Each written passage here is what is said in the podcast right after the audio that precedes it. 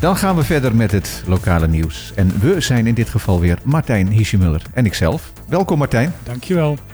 Gisteren gaf de gezaghebber een persconferentie over de stand van zaken omtrent COVID-19.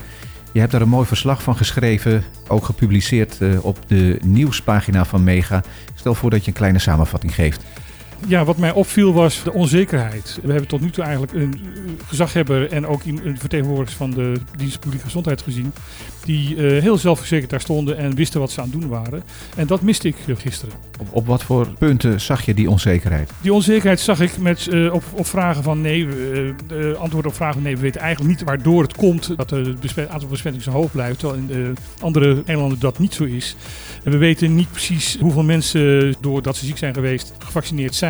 Ja, want dat ging om dat gat tussen de eerste en tweede ja. vaccinatie. Dat blijft onverminderd groot. Dat scheelt collega een paar, een paar duizend prikken. Ja, de collega Harald Linkers kwam met een getal van 2000 prikken waarvan niet te achterhalen is of mensen nu uh, de tweede prik al hebben gehad, ja of nee.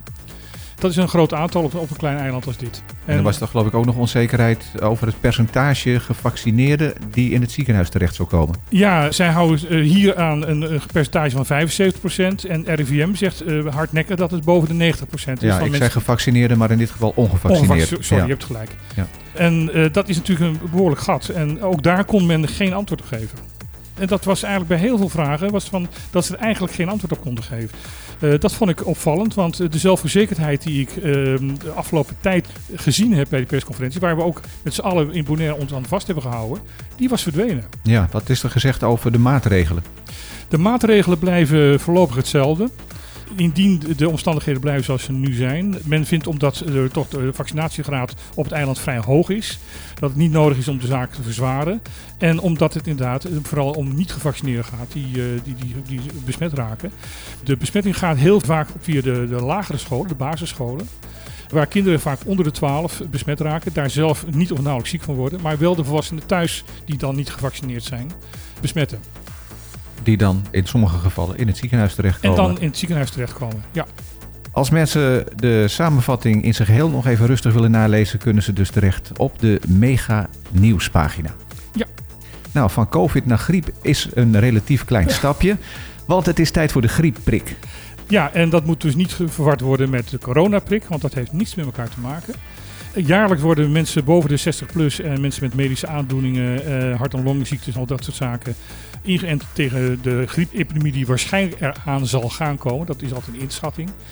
Dat is een gratis prik die je gewoon bij de huisarts kan halen. Als je boven de 60 bent of inderdaad uh, een zwakke gezondheid hebt, ga hem halen. Want men verwacht toch een, een vrij aardige epidemie. Uh. Ja, want vanwege de coronamaatregelen is het afgelopen seizoen en het seizoen daarvoor eigenlijk heel licht uitgevallen. Ja, maar dat is natuurlijk uh, voorbij. En uh, eigenlijk zou je dezelfde dingen doen, moeten doen bij een griepepidemie als bij de, de pandemie van, van corona. in je arm niezen, afstand houden en eventueel mondkapjes dragen. Er is een persverklaring uitgegeven aan de vooravond van de klimaattop in Glasgow die bedoeld is voor het Caribisch gebied. Ja, de Dutch Caribbean Nature Alliance, uh, de organisatie die alle natuurorganisaties van de zes eilanden uh, verenigen en coördineren, heeft in feite de noodklok ge geluid. Van jongens, er is veel te weinig aandacht voor de gigantische effecten van de klimaatsverandering in het Caribisch gebied. Rutte zei daar onlangs nog wel iets over, maar dat was uh, vrij sumier. Dat was sumier en dat was alleen een aankondiging van ja, de, de, het Caribisch gebied de, de, van, van het Koninkrijk zal waarschijnlijk zwaar getroffen worden.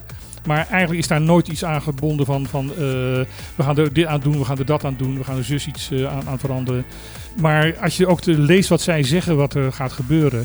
Uh, minimaal een, een, halve meter aan, aan zeespiegelstijging, ja. koraal verbleken, een veel grotere kans op zeer zware orkanen en stormen voor de bovenwindse eilanden.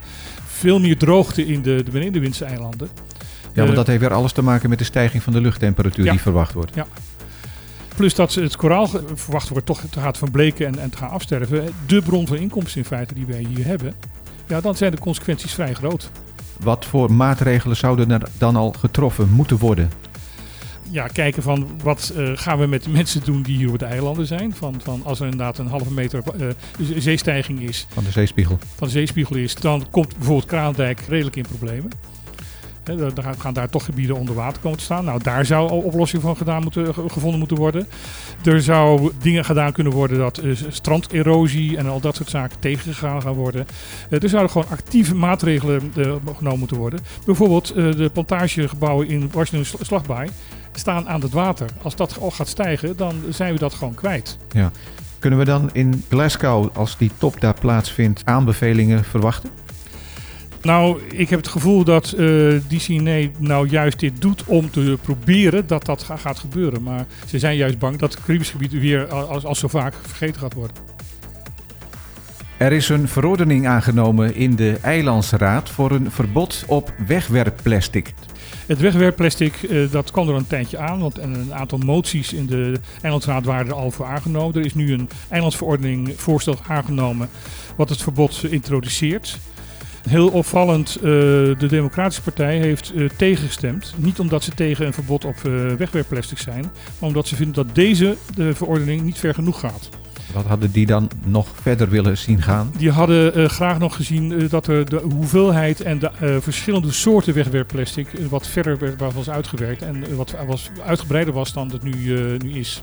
Ja, want niet alle soorten plastic worden geweerd. Niet alle soorten plastic worden geweerd. Het, het gaat wel om de, de, de foambakken en de, de rietjes en al dat soort zaken. Maar andere zaken die ook in feite onder wegwerpplastic vallen, bijvoorbeeld heel veel verpakkingen gewoon, die vallen er nog niet onder. En per wanneer wordt dit van kracht?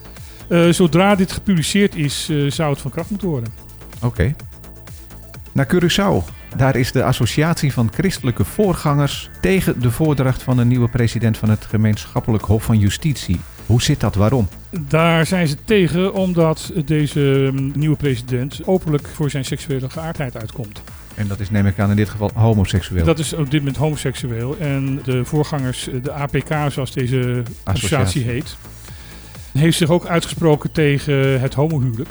En heeft dat onnatuurlijk genoemd en eh, tegen van alles en nog wat.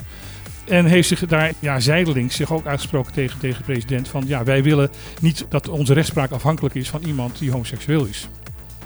Nou, de Orde van Advocaten heeft terecht daar eh, al tegen geageerd. Die heeft daar al tegen geageerd en die eh, noemt de uitspraak ronduit discriminerend en zou eigenlijk geen podium verdienen. Ik denk dat ze daar best wel iets heel zinnigs in zeggen. En de orde van de advocaten, eh, de- eh, met name van de deken van de orde, spreekt hierbij openlijk eh, zijn steun aan de nieuwe president uit. De APK heeft ook nog even tussendoor gezegd van dat het homohuwelijk is goedgekeurd door activistische rechters. En dat de, de Hongaarse wetgeving in dit opzicht hier ook van kracht zou moeten gaan worden. Gaat wel ver. Ja. Dan hebben we nog het weer te goed. We hebben het weer te goed. Er werd gisteren nog gezegd dat vandaag waarschijnlijk droog zal blijven. Nou, dat is alweer ingetrokken. En de weerspelers nu zeggen dat er een grote kans is dat er een bui valt. Eh, als je ook het radar ziet, zie je een enorm regenfront vanuit het oosten richting het eiland komen. Ja, trekt dat over of gaat het er net voorbij? Dat weten ze dus niet helemaal zeker. Dat je weet je eigenlijk nooit zeker. Omdat die opstijgende lucht boven een eiland kan ervoor zorgen dat zo'n front gewoon gesplitst wordt. Maar er wordt wel verwacht dat er toch wel wat regen uit gaat komen. De temperatuur is vanmiddag 32 graden en de gevoelstemperatuur is slechts 34 graden, maar 2 graden hoger. Ja. En dat komt onder andere dus waarschijnlijk door de koude lucht die vanuit het oosten van dat front afkomt en over het eiland heen waait. Nou, een beetje verkoeling is meer dan welkom. Ja, ik, eh, ik heb daar absoluut geen bezwaar tegen. Morgen zal het weer bewolkt zijn en een kleine kans op een bui. En de wind zal ongeveer rond de 34 km per uur zijn. Dankjewel Martijn en tot morgen. Joep.